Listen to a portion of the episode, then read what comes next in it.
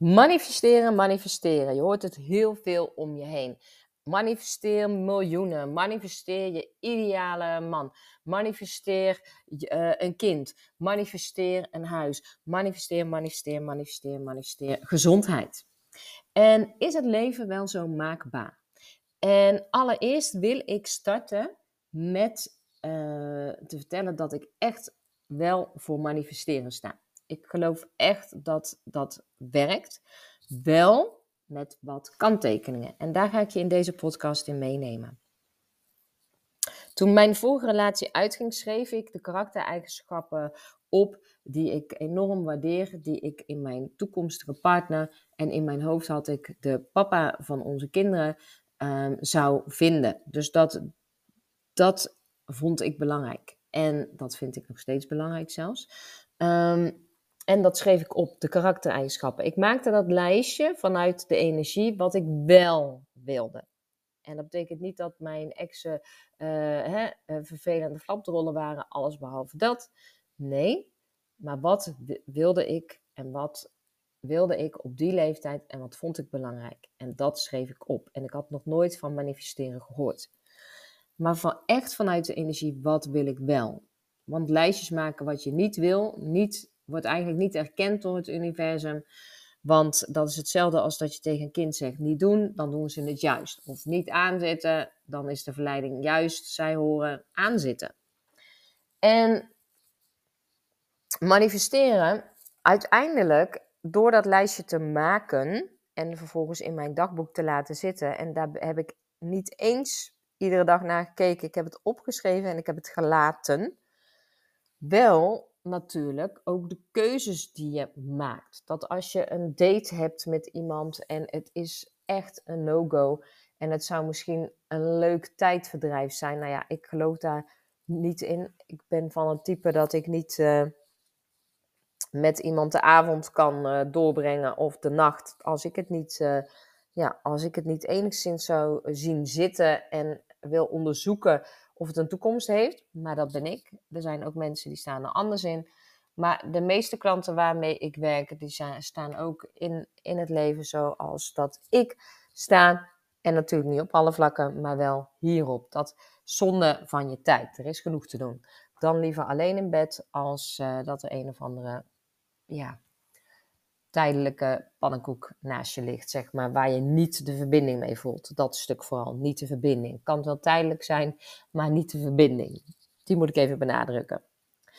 En ik wil je meenemen in het stuk Datzelfde als dat mensen bijvoorbeeld een miljoenenbedrijf willen en, en het komt er maar niet. En het komt er maar niet. Oh, dan manifesteer ik verkeerd. Oh, dan doe ik het verkeerd. Oh, dan doe ik iets niet goed. En heb je er wel eens bij stilgestaan dat het nog niet naar aarde komt? Omdat het nog niet de bedoeling is. Omdat er nog andere dingen zijn waar, waar je je proces aan doorlopen bent, waardoor je toewerkt naar dat miljoenenbedrijf. En misschien is het wel helemaal niet de bedoeling dat jij een miljoenenbedrijf gaat draaien. Misschien is iets anders wel de bedoeling. Uiteraard wel vanuit echt jouw hartsenergie en van waar je van aangaat, waar je blij van wordt, waar je uh, door ontwikkelt, waar je door groeit en waar je mensen ook door aanzet en, en laat ontwikkelen. Want manifesteren is soms echt letterlijk een parkeerplek vragen en de parkeerplek is er. Letterlijk dat telefoontje, dat aanbod vragen, die klant die je belt en het is er. Soms duurt het langer. En tijd is ook weer zo'n aspect dat um, Mensen willen soms sneller dan dat nodig is. En dat men daar ook bij stilstaat. Als je een rode jas wil en je gaat iedere winkel af, ik wil die rode jas, ik wil die rode jas, ik wil die rode jas. Je gaat iedere webshop af, ik wil die rode jas, ik wil die rode jas. En het komt maar niet op, op je pad, want het is hyperfocus en het is nu niet belangrijk. En een jaar later loop je een winkel binnen en wat hangt daar? In de sale die fantastisch mooie rode jas. En waarom? Omdat je het losgelaten hebt. Je hebt niet die hyperfocus, het moet, het moet, het moet. Nee, het mag er zijn. En ik geloof ook altijd nog, als het goed voor je is, dan komt het op je pad. En als het niet goed voor je is, in dat is wanneer ik, eh, wanneer ik iets opschrijf om te manifesteren, dan zet ik er altijd bij als het goed voor mij en de ander is. Als het goed voor mij en de ander is. Ik geloof ook niet dat je over de rug van iemand anders kan manifesteren, want uh, dan wordt het niet naar je toe gebracht. Het, uh, ik geloof echt dat het universum niet zo werkt van nou, hè, jij geluk en de andere ongeluk. Daar geloof ik echt niet in. Wat wel belangrijk is, is om erbij stil te staan dat het leven niet altijd zo maakbaar is. Dat jij rete positief ingesteld kan zijn, dat je een fantastische mindset hebt en dat er toch dingen op je pad komen die niet zo vrij zijn. En dat dat een understatement is. Ik ga je wat dingen noemen. Ik ga je dingen noemen die ik in mijn omgeving hoor, die ik heb gezien, maar ook die ik bij mijn klanten heb gezien. En ik neem je mee. Dat je opgebeld wordt s ochtends, dat je broer overleden is. Dat je broer in het ziekenhuis ligt. Dat hij een ongeluk heeft gehad, dat hij een ziekte heeft en uiteindelijk daaraan overlijdt. Dat je een diagnose krijgt, een kankerdiagnose krijgt, terwijl je zo gezond leeft. Terwijl je alles, maar dan ook alles doet om gezond te zijn. En dat je toch die kankerdiagnose krijgt. En dat het perspectief echt een hele lange rocky road gaat worden. En men nog niet met zekerheid kan zeggen of je daar dus ook van geneest. Ze gaan ervan uit van wel, maar ze kunnen het niet met zekerheid zeggen. Dan nog een ander voorbeeld dat je ineens mantelzorger bent. Je bent ineens mantelzorger. Alles liep zo voorspoedig en ineens zit je in het mantelzorgcircuit. Hang je met instanties aan de telefoon, moet er veel geregeld worden, ben je de billen aan het afvegen van, van je tante, van je moeder, van je partner enzovoort. Dat je kind iets overkomt, dat het in het ziekenhuis komt te liggen, dat het ongeneeslijk is, dat je een heel circuit ingaat en zelfs het allerergste denkbaar dat je kind er niet meer is. Dat je ontslag krijgt. Dat je bedrijf niet meer goed loopt en jij beslist dat je het anders gaat doen.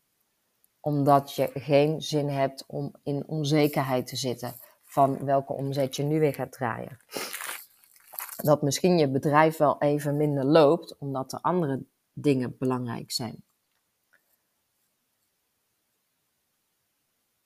Dat je te horen krijgt dat je vader, moeder, zus ziek is. Een vriendin vertelt dat ze nog maar een paar maanden te leven heeft een collega waar jij zo'n klik mee hebt, zelf uit het leven stapt. En jij je afvraagt, hè, maar we hadden toch echt kameraadschap en nu is die persoon er niet meer? Hoe dan? Hoe kan dat nou? Heb ik het dan verkeerd gezien? Was het dan allemaal nep? Waarom heeft die persoon zich niet geuit? Waarom heeft die persoon me niet meegenomen in haar of zijn proces?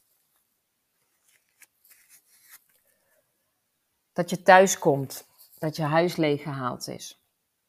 Dat er andere mensen in je huis geweest zijn en dat je echt denkt: mijn veiligheid, mijn kokon, daar zijn andere mensen in geweest.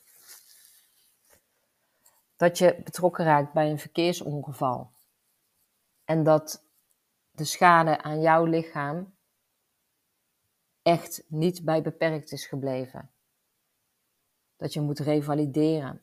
Dat je ziekenhuis in, ziekenhuis uit. Dat je misschien zelfs wel thuishulp moet inschakelen. De thuiszorg. Maar na de thuiszorg ook een beroep moet doen op je familie, op je vrienden. Omdat je het niet alleen kan.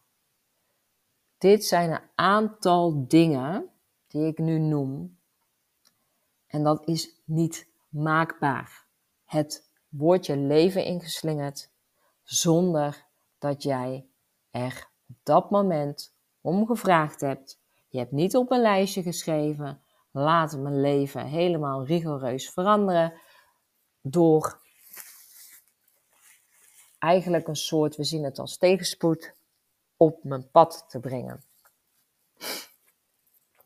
En sta daar eens bij stil dat er dingen dus ook op je pad komen die jij niet gemanifesteerd hebt. En dat betekent niet dat jij iets verkeerd hebt gedaan.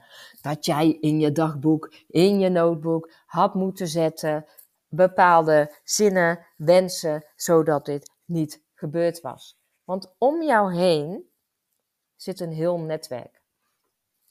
Jij komt uit een familiesysteem. En ik, ik heb daar met mijn klanten ook heel vaak over, over het familiesysteem van herkomst, je biologische familiesysteem, want het is belangrijk. Het is belangrijk voor jou om daar op de meest relaxte wijze in te komen staan en te zien wat van jou is en wat van de ander is. En waar je wel mee aan de slag mag en wat je ook mag laten, wat alleen maar ruis is, waar je niet in hoeft te blijven hangen of in te hoeven duiken. Ik heb last van mijn hooikoorts, uh, sorry daarvoor. Als je me af en toe hoort snuiven, dan uh, is dat het. Maar er komen dus meerdere dingen op je pad. Want als jouw ouders iets gaan mankeren, dan ondersteun je je ouders.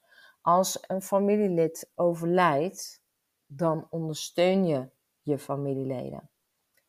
Altijd natuurlijk wel tot op de hoogte dat jij er niet aan onderdoor gaat. Maar het is niet zo maakbaar. Als jij uiteindelijk je ontslag krijgt, kan het zijn dat je daar even uh, tijd voor nodig hebt om te recupereren. Stel dat jouw bedrijf minder loopt, dan kan het zijn dat je echt uh, daar met iemand naar wil kijken, met een coach, van hey, hoe wil ik het gaan doen en wat wil ik anders gaan doen. En in die situaties dat het leven minder maakbaar is, wat ik zie gebeuren is dat mensen zich zo gaan ophangen aan uh, wat ze zien op social media, dat alles dus te manifesteren is en dat jij het dus verkeerd hebt gedaan. Echt, laten we die eventjes, eventjes gewoon naast je neerleggen. Want het klopt niet. En echt, ga kijken wat er wel is. Maar ook als het leven even minder maakbaar is, horen daar ook emoties bij.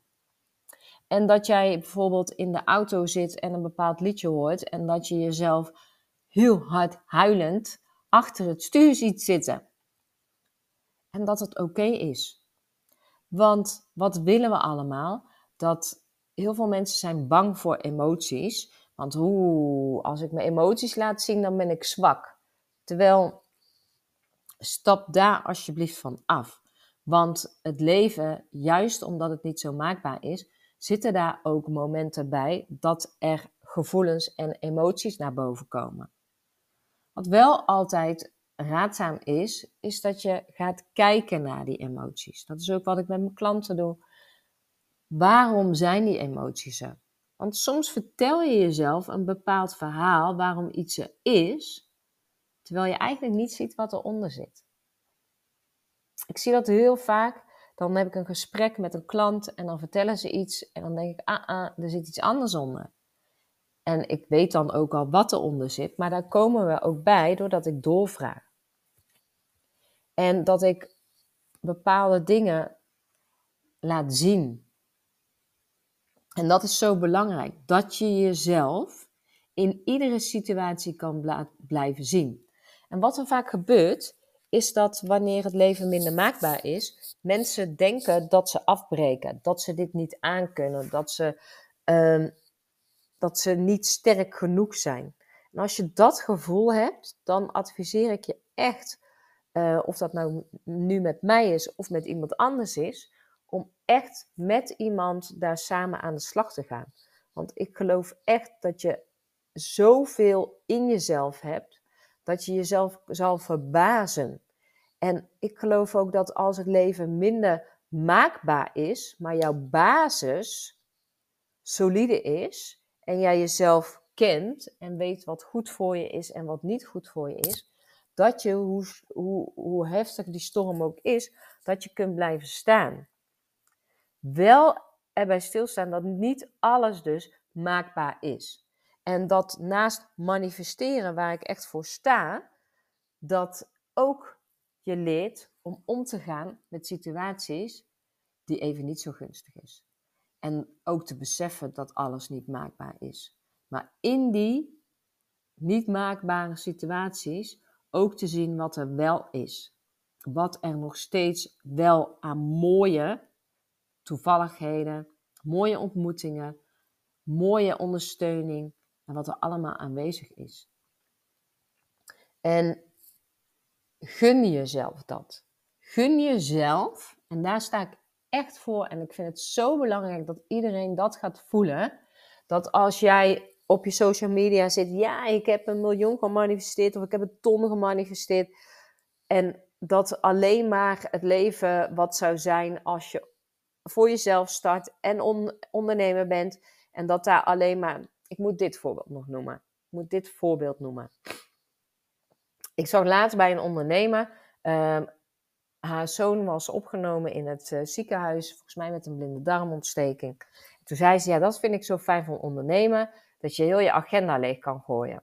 Nou, heel eerlijk jongens, ik heb jaren voor de klas gestaan, maar als er echt iets aan de hand is, dan kun je ook als docent weg. Als mijn kind uh, toen een blinde darmontsteking had gehad en de kinderopvang had gebeld, dan was ik direct uh, naar huis gekun, ge, ja, gemogen en gegaan om voor mijn kind echt te zijn.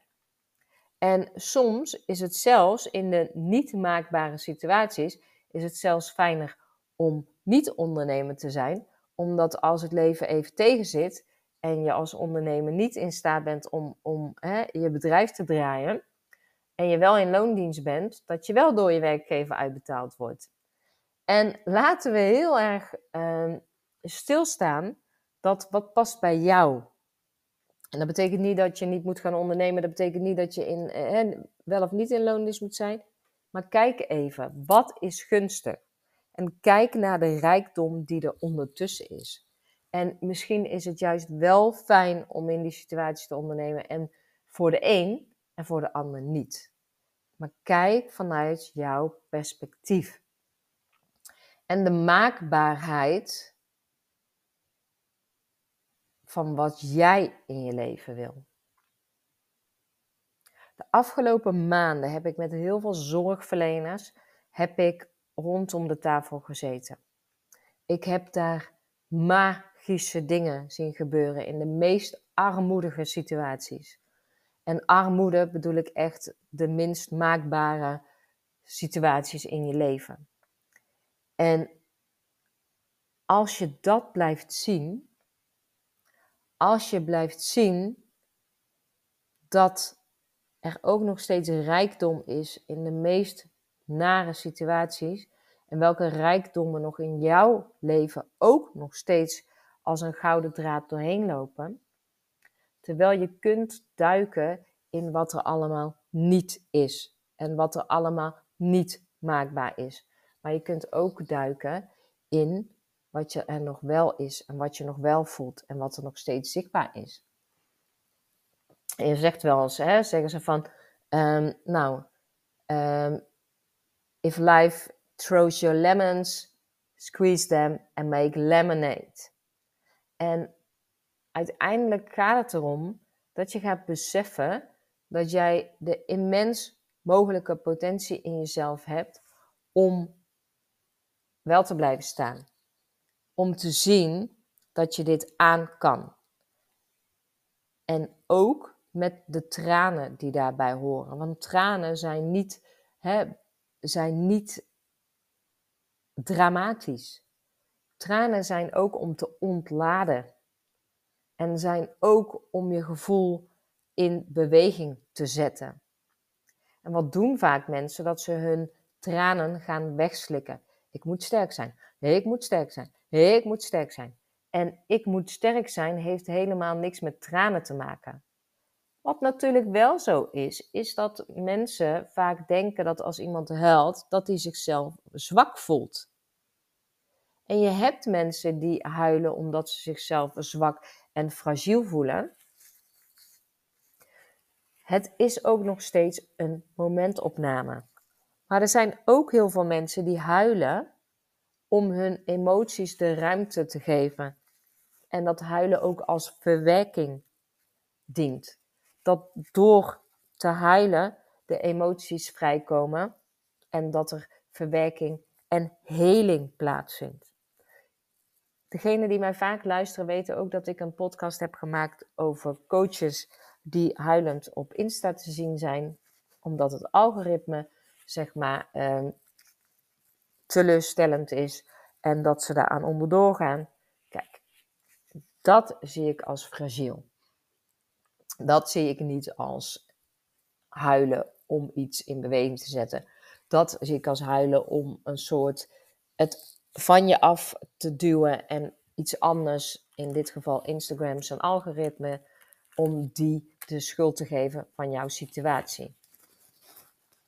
Het als een niet maakbare situatie te zien en niet weten hoe je ermee om moet gaan. En uiteindelijk is het goud dat je met niet maakbare situaties om leert gaan.